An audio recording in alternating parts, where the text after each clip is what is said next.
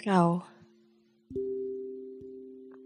datang sebentar, kau taruh jejak di pikiran tanpa rasa gusar, tergesa pergi menelantar. Kau berani merengkuh awan yang sudah kubentuk. Sedemikian lembut tak satu pun berlekuk dengan mudahnya kau gores, lalu kau tinggal seakan beres. Kau seperti angin ribut, meraung keras menantang. Kau berlutut, memintaku untuk menyambut.